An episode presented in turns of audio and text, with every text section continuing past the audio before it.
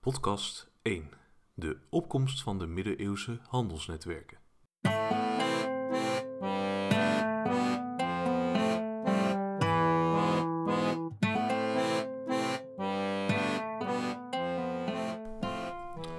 Goedendag, mijn eh, naam is Ischa Walburg. Ik neem deze geschiedenispodcast op omdat ik eigenlijk wat meer verdieping wil geven aan de uitleg die ik eh, in de les geef. Uh, zoals reeds gezegd gaat deze podcast over de opkomst van middeleeuwse handelsnetwerken. Dat is ongeveer tussen 1100 en 1500 na Christus. En ik wil eigenlijk wat meer uitleg geven over die handelsnetwerken, omdat er nou ja, niet zo heel erg veel aandacht aan wordt besteed altijd, maar ze wel cruciaal zijn voor de ontwikkeling van Europa uh, in de hoge en late middeleeuwen. Ik wil een aantal handelsnetwerken met u bespreken. Het gaat onder andere over de jaarmarkten van Champagne. Het gaat over de Hanze, wat een, eigenlijk een handelsnetwerk is tussen verschillende steden. Het zal ook heel even over de zijderoute gaan. En ik wil eigenlijk bespreken waarom die handelsnetwerken eigenlijk ooit zijn opgekomen.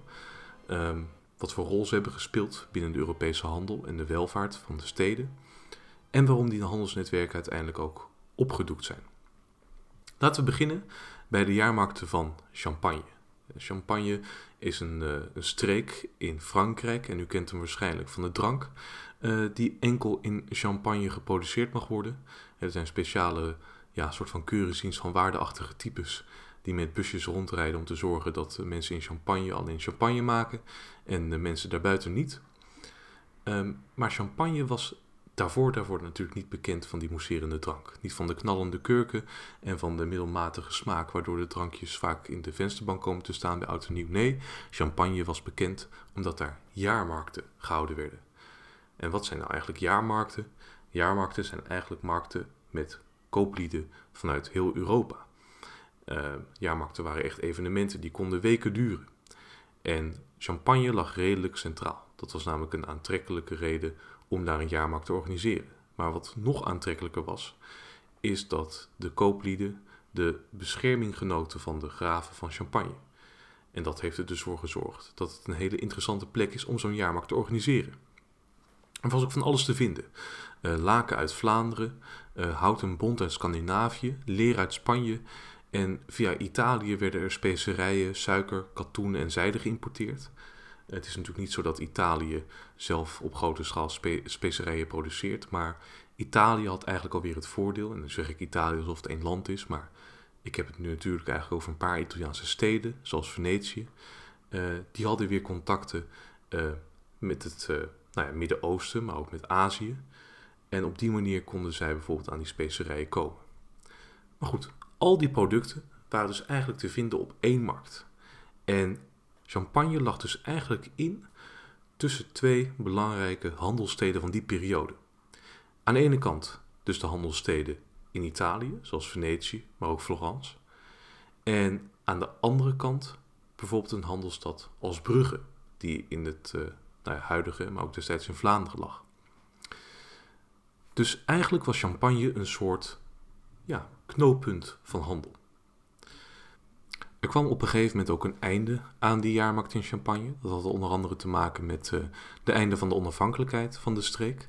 Op een gegeven moment was uh, Champagne niet meer als uh, gebied onafhankelijk van Frankrijk, waardoor er gewoon belasting geheven werd. En dat zorgt er natuurlijk voor dat zo'n markt op een gegeven moment minder aantrekkelijk is voor kooplieden, omdat ze die belasting moeten betalen. Wat ook een rol heeft gespeeld is de overwinning van Zacharia op de Meriniden. Zacharia is een ja, eigenlijk een legerofficier. En de Merinide is een soort, ja, uh, je zou kunnen zeggen, een Berbers, dus een Marokkaans volk. Uh, en die hielden eigenlijk die directe zeeroute uh, bij Gibraltar. Dat ligt namelijk tussen ja, Spanje en wat nu Marokko is in. die hielden zij eigenlijk geblokkeerd. En daardoor konden de handel, handelaren uit Venetië eigenlijk niet makkelijk de Middellandse Zee uitvaren. Want ze werden daar tegengehouden. Maar er was dus nu een legerofficier die een overwinning had geboekt op dat uh, volk, wat ervoor heeft gezorgd dat die zeeroute nu open lag. Dus ze hadden eigenlijk in Venetië ook helemaal niet zo die uh, markt in Champagne nodig. Vanuit Genua en vanuit Venetië gingen ze dus eerst naar die markt in Champagne. Maar nu konden ze eigenlijk via de zee bijvoorbeeld zelf naar een stad als Brugge toe. En Brugge groeide op die manier eigenlijk ook uit tot een uh, belangrijke stad voor nou ja, een aantal Italiaanse steden. Er ontstonden dus een aantal verschillende ontwikkelingen na het ja, minder populair worden van die jaarmarkt in Champagne. En een van die ontwikkelingen heb ik net al beschreven, dat is namelijk dat de zeehandel steeds belangrijker werd dan handel over het land. Het water wordt eigenlijk uh, de belangrijkste handelsweg op die manier. En dat zie je dus niet alleen in, uh, nou ja, in Venetië bijvoorbeeld, maar je ziet het bijvoorbeeld ook in Noord-Europa. Je ziet dat Brugge als handelsstad erg, uh, erg groeit. Je ziet ook dat nou, de rivieren worden gebruikt om handelsnetwerken in Noord-Europa te vergroten. Dus je hebt bijvoorbeeld de handelssteden die aan de kust liggen, maar de steden die bijvoorbeeld aan de rivieren liggen, verder in het land, um, nou ja, daar worden ook verbindingen mee gemaakt. Dus zowel de steden aan de kust als de steden die verder in het land liggen, maar wel aan de rivier, um, worden door nou ja, de handel die via het water verloopt steeds belangrijker. Um, nou ja, wat je dus ook ziet in deze tijd is dat het wat minder goed gaat met Midden-Europa. Dus in Zuid-Europa, vooral in Italië, het huidige Italië, zie je dat het heel goed gaat. In Noord-Europa, bijvoorbeeld bij uh, Vlaanderen, bij Brugge, zie je dat het heel goed gaat. Maar in Midden-Europa raakt dat toch wat achterop. Die economische ontwikkeling vindt daar niet echt plaats. Dus eerste ontwikkeling die ik heb genoemd is dus die handel die vervolgens via het water verloopt. De tweede ontwikkeling is dat een koopman niet meer echt de ouderwetse koopman is zoals we die in de tijd van de markten in Champagne kenden. die koopman verandert eigenlijk ook iets. Het is niet meer de actieve koopman die altijd maar meegaat met zijn handelswaar. Koopmannen worden ook steeds meer een soort van zakenlieden. Ze richten zelf kantoren op, ze organiseren hun eigen handelscontacten en dat doen ze bijvoorbeeld door briefverkeer. Uh, sommige uh, nou ja, koopmannen uh, die beginnen bijvoorbeeld ook een soort van bankiersrol te vervullen. Hè. Die, die richten eigenlijk banken op. En dan zie je ook bijvoorbeeld vooral in Italië in de eerste helft van de 14e eeuw dat een aantal banken ook failliet gaan. En dat ze bijvoorbeeld te veel leningen uitgeven en niks terugkrijgen. Um, dus je ziet ook dat er de eerste problemen ontstaan met, met de banken waar nog lang niet vanaf zijn. Maar je ziet hier dus dat de simpele uh, handelaar eigenlijk van aard begint te veranderen. De derde ontwikkeling is dat er ook vanuit Europa handelsverbindingen ontstonden tot ver in Azië. En dat heeft dus van alles te maken met de zijderoute, waar ik nou eigenlijk nog wat meer over uit wil leggen. Want er kwam dus eigenlijk een connectie via Italië, via bijvoorbeeld Venetië, naar Azië. En dat heeft van alles te maken met uh, de vierde kruistocht. Toen de vierde kruistocht werd uitgeroepen, uh, nou, verspreidden verschillende Venetiaanse koopmannen zich uh, onderweg, onder andere bij handelsposten rond de Zwarte Zee en de Egeïsche Zee. Heeft de herinnering de Zwarte Zee, dat is de zee waar de Krim aan ligt in Rusland. En de Egeïsche Zee is de zee eigenlijk tussen Griekenland en Turkije in, het huidige Turkije. Nou, die waren heel erg belangrijk voor de handel met het Midden-Oosten. Dus die koopmannen uit Venetië, die stichten verschillende handelsposten rond die zeeën. En ze staan daarbij eigenlijk aan de poort van het Midden-Oosten. En ze kunnen zo handel drijven met Arabieren en ook de Aziaten. Het zijn allemaal handelsposten die aan de zee liggen. En die handelsroutes die van Europa naar Azië lopen, noemen we dan ook wel de zijderoute. En je zou zeggen, zijderoute, waar komt dat woord eigenlijk vandaan?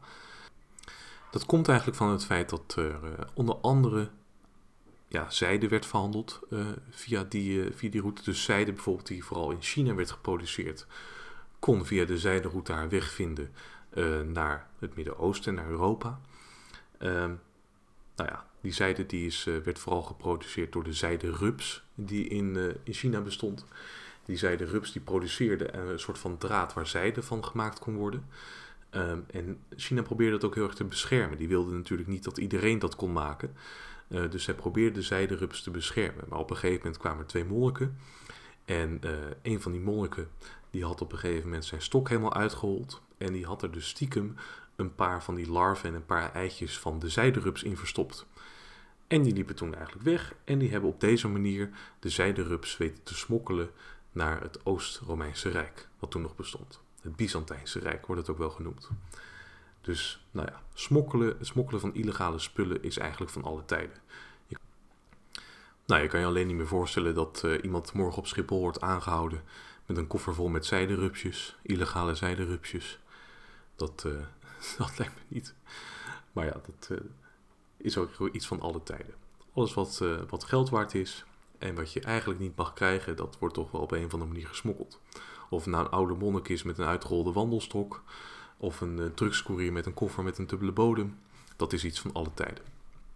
Dat is overigens iets van alle tijden, hè? Dat, het stelen van bepaalde waardevolle spullen die je dan zelf weer kan verplanten. Neem bijvoorbeeld de nootmuskaatboom, die is bijvoorbeeld ook gejat door de Fransen. Daarom groeit hij nu op Madagaskar, wat toen een, uh, nou ja, een Frans eiland was. En nou, dat zie je bijvoorbeeld ook bij de Engelsen. Er was een keer een spion, een Britse spion, die is dan naar een Chinese theeplantage gegaan. Die had een extra wijde broek aan. En als, iemand, als niemand even keek, dan stopte hij een enorme, uh, nou het zal wel niet een enorme theestruik zijn geweest, maar een middelgrote theestruik in zijn broek. Om hem mee te smokkelen naar India wat toen een Britse kolonie was. En dan konden ze daar bijvoorbeeld ook thee produceren. Nou um, even terug naar de, uh, een van de andere handelsnetwerken die ik wilde behandelen. We hebben het dus gehad over de ja, markten in Champagne. We hebben het gehad over de, uh, nou eigenlijk de zijderoute. En ik wil het nu even hebben over de Hanze. Wat is de Hanze nou eigenlijk? Nou, de Hanze is een verbond tussen meerdere steden. En die steden die lagen bijvoorbeeld in het huidige Nederland, uh, het huidige België, het huidige Duitsland en nog een aantal landen in Oost-Europa. Maar voordat dat Hanseverbond uh, eigenlijk bestond, uh, zie je eigenlijk dat er eerst nog een ontwikkeling moest plaatsvinden in Oost-Europa, bij de Oostzee. Er waren namelijk daar verschillende steden, die werden allemaal nou ja, geleid door verschillende Slavische vorsten. Alleen die kwamen erachter dat het er eigenlijk helemaal niet zo goed voor stond in die steden qua landbouwtechnieken. er was eigenlijk hongersnood. Uh, ze zagen dat de landbouwtechnieken daar in de buurt echt een stuk slechter ervoor stonden dan de landbouwtechnieken in West-Europa. die waren eigenlijk veel moderner. En daar wilden ze eigenlijk iets op bedenken. En wat stuurden die Slavische vorsten? Die Slavische vorsten stuurden zogenaamde locatoren uh, naar Duitsland. En locatoren waren dus mensen die boeren moesten overtuigen om naar het oosten te trekken. En om daar eigenlijk te beginnen met de landbouw. En ze kregen allemaal speciale privileges. Ze mochten daar uh, grote stukken land innemen. Ze mochten daar eigenlijk uh, nou ja, in zeer voordelige omstandigheden werken. En uh, die locatoren wordt ook wel, die worden ook wel een beetje vergeleken met de rattenvanger van Hamelen. En de rattenvanger van Hamelen is een sprookje nou ja, waarbij die rattenvanger eh, naar Hamelen kwam om een rattenplaag te bestrijden. En de bevolking was hartstikke blij. Oh, wat fijn, al die ratten zijn weg. Want hij lokte de ratten met een fluit en liet ze verdrinken in de rivier. Maar het stadsbestuur eh, nou ja, betaalde uiteindelijk niet. Dus al die ratten dood, maar het stadsbestuur zei van nou, bekijk het nou maar, we gaan niet betalen. Nou, die rattenvanger die wil graag wraak nemen. En wat doet hij? Hij keert terug naar de stad. En toen alle inwoners keurig op zondagochtend in de kerk zaten, speelde hij met zijn fluit en hij lokte eigenlijk heel veel kinderen mee. Hij leidt ze mee naar een grot en sloot ze op. En die, die locatoren worden met die uh, rattenvanger vergeleken, omdat die locatoren dus eigenlijk heel veel jonge boeren meenam naar Oost-Europa om daar een boerenbedrijf te, ging, te beginnen. En daar waren heel veel ouders eigenlijk helemaal niet tevreden mee. Maar goed, die locatoren, oftewel de rattenvangers, hebben hun werk goed gedaan. Er kwamen veel boeren naar Oost-Europa, uh, aan de Oostzee. Ze begonnen daar grote boerenbedrijven. En nou, met die uh, nieuwe landbouwtechnieken uit het Westen zorgden ervoor dat er eigenlijk heel veel werd geproduceerd. Maar goed, een van de andere redenen dat die boeren daar naartoe kwamen is ook omdat de grond in West-Europa eigenlijk uh, nou ja, voor een groot gedeelte al bewerkt werd. Er was een grote schaarste eigenlijk aan grond en daarom was het ook nog aantrekkelijk om naar Oost-Europa te gaan. Nou, heel veel steden die daar waren, die werden nou ja, oftewel uitgebreid, of er was nog geen stad en er werd er een nieuwe stad gesticht, die kregen het Duitse stadsrecht. En dat kregen ze dus om samen te kunnen werken met andere Duitse handelssteden. En door de toename van de landbouwproductie in die steden aan de Oostzee werd zo'n handelsnetwerk eigenlijk noodzakelijk. Het werd noodzakelijk om bijvoorbeeld die producten die daar werden gemaakt, uh, om die te kunnen verschepen. En dat is eigenlijk waarom de Hanze ooit is ontstaan. Het was eigenlijk ook best wel voordelig om je aan te sluiten bij de Hanze. Het waren namelijk steden die eigenlijk uh, nou, elkaar beschermden. Hè. Dus die dreven eigenlijk alleen handel met elkaar. En bijvoorbeeld niet met anderen. En dat zorgt ervoor dat je eigenlijk je eigen handel goed beschermt. Um, Je zorgt ervoor bijvoorbeeld voor dat niet iemand kan zijn die het goedkoper kan aanbieden dan je binnen de Hanze hebt afgesproken. Uh, die Hanse-schepen die voeren ook vaak met uh, verschillende schepen tegelijkertijd in een bepaalde kolonne. En dan konden ze elkaar ook beschermen tegen bijvoorbeeld uh, piraterij. Op het moment dat een van de schepen bijvoorbeeld scheepsbreuk zou leiden en zou zinken... en die spullen die zouden aanspoelen aan land... dan werden die spullen ook meteen beschermd... zodat er geen standjutters konden zijn die al die goederen mee zouden kunnen nemen... havens moesten ook langer open blijven voor Hanse schepen... Dus dat had echt een tal van voordelen. Nou, ik heb het eigenlijk net even gehad over de zijderoute. Die liep eigenlijk van Italië helemaal naar Oost-China. Dat is dus een enorme afmeting. Um, maar die Hanse had eigenlijk ook best wel een groot gebied wat het in die tijd bestreek. Namelijk van Novgorod, een, Russische handelsstad, eigenlijk het handelscentrum van Rusland, tot Londen in Engeland. Dus ook dat is een vrij groot gebied. En nu ik het heb gehad over die, nou ja, die uh, mensen uit Duitsland, die boeren uit Duitsland die naar het oosten van Europa zijn uh, gegaan om aan het Oostzeegebied bijvoorbeeld uh, nou ja, boer te worden of bijvoorbeeld te zorgen voor de houtkap. Dan gaan we het nu even hebben over Novgorod. Dat is namelijk een interessante stad waar we het eigenlijk bijna nooit over hebben. Het is een van de oudste steden van Rusland. Het is het, echt het oude handelspunt van de Varjagen. Dat zijn nou een soort van vikingen, zo is de stad ontstaan. Vikingen hebben zich daar op een gegeven moment gevestigd. En die gingen via de rivier handel drijven met uh, de Byzantijnen. Hè, dus de mensen die in het, het uh, Oost-Romeinse Rijk leefden. Maar het werd dus inderdaad op een gegeven moment een stad die ook bij de Hanze hoorde. Nou, ze exporteerden eigenlijk vooral enorme hoeveelheden bont. Dus je hebt verschillende soorten bont. Je hebt een luxe variant van bont, zoals sabel, hermelijn en vos. Maar je hebt ook wat goedkoper bont, zoals eekhoorns. Dus ja, blijkbaar wil niemand met een eekhoorn op zijn hoofd rondlopen. Dat schijnt minder in de mode te zijn. Maar ze verkochten bijvoorbeeld ook zaken als hout, vanwege de houtkap. honing en walvisstraan. Walvisstraan is iets wat we eigenlijk tegenwoordig nou, nauwelijks meer gebruiken. Maar dat werd nou ja, in de geschiedenis bijvoorbeeld gebruikt als medicijn maar bijvoorbeeld ook om de straatlantaarns mee te verlichten. Um, dus dat was eigenlijk een multi-inzetbaar product. De Novgorod was eigenlijk een, een, beetje een aparte stad. Het is omringd door een moeras. Um, het werd ook een beetje gezien als een soort van onafhankelijke stad binnen Rusland. Um, dat is een inval waar wij bijvoorbeeld in West-Europa helemaal nooit mee te maken hebben gehad. Maar de Mongoolse legers vielen bijvoorbeeld verschillende Russische steden aan. Maar ze vielen Novgorod bijvoorbeeld niet aan. En nou ja, de waren ze in Novgorod enorm trots op, want ze dachten, oh, wij zijn zo sterk, we hebben zo'n geweldige uitstraling, zo'n afschrikwekkende uitstraling, die het Mongoolse leger wilde ons niet meer veroveren. Maar eigenlijk waren de Mongoolse bevelhebbers vooral bang dat ze zouden wegzakken in het moeras rond de stad. Nou, de stad was ook onderverdeeld in een aantal delen. Aan de ene kant heb je het Kremlin en aan de andere kant heb je een handelscentrum. En um, in dat handelscentrum staan tientallen kerken. En dat is niet omdat ze zo extreem gelovig zijn, maar dat is omdat een kerk geen belasting hoefde te betalen. En als je bijvoorbeeld als handelaar een pakhuis neer zou zetten, hè, waar je gewoon al je spullen in opslaat, moest je daar wel belasting over betalen. Dus wat dachten een hoop van die handelaars? Weet je wat? Ik zet daar geen pakhuis neer, maar ik zet daar een kerk neer. Dus je kreeg eigenlijk een kerk, het is gewoon een keurig torentje en een klein altaartje. Maar het was eigenlijk gewoon een pakhuis. Dus uh, hier zie je eigenlijk al dat de corruptie in de geschiedenis ook hier weer geldt. Het is iets van alle tijden. Goed, die Hanze. Uh, we moeten het natuurlijk niet uit het oog verliezen. Die Hanze die, ja, vergaat op een gegeven moment ook. Op een gegeven moment gaat het minder goed met de Hanze. En daar zijn eigenlijk best wel wat verschillende redenen voor. Uh, de Vlaamse lakenindustrie, uh, wat ook nogal een uh, pijnpunt was voor velen, is de Zwarte Dood. Die heeft er bijvoorbeeld voor gezorgd dat in het OC-gebied, waar veel Duitse boeren naartoe zijn gegaan. Ongeveer de helft van de bevolking in mum van tijd omkwam. Het klimaat verslechterde ook. Hè. Dat OC-gebied waar die, veel van die Duitse boeren naartoe zijn getrokken. Ja, die hebben eigenlijk op zo'n slechte manier landbouw bedreven dat de grond werd uitgeput. Hè, dat er eigenlijk te weinig voedingsstoffen meer in die grond zaten. En dat je daar eigenlijk nauwelijks meer iets, op kon verbouwen. Um, wat ook nog een uh, nadeel is geweest, is dat de opkomst van de Midden-Europese landroute heel populair werd. Dus ik heb er eigenlijk eerder over gehad dat uh, Noord-Europa zich heel goed ontwikkelde. Zuid-Europa ontwikkelde zich heel goed, maar Midden-Europa eigenlijk niet. Nou, in de tijd dat uh, Midden-Europa eigenlijk nou ja, economisch gezien er minder goed voor stond, hadden zij een mooie landroute ontwikkeld. En die heeft ervoor gezorgd dat handel drijven via land ook weer aantrekkelijk werd. Er werd ook veel handel gedreven buiten de Hanze om. Heel irritant natuurlijk voor die Hanze. Allemaal mooie afspraken gemaakt.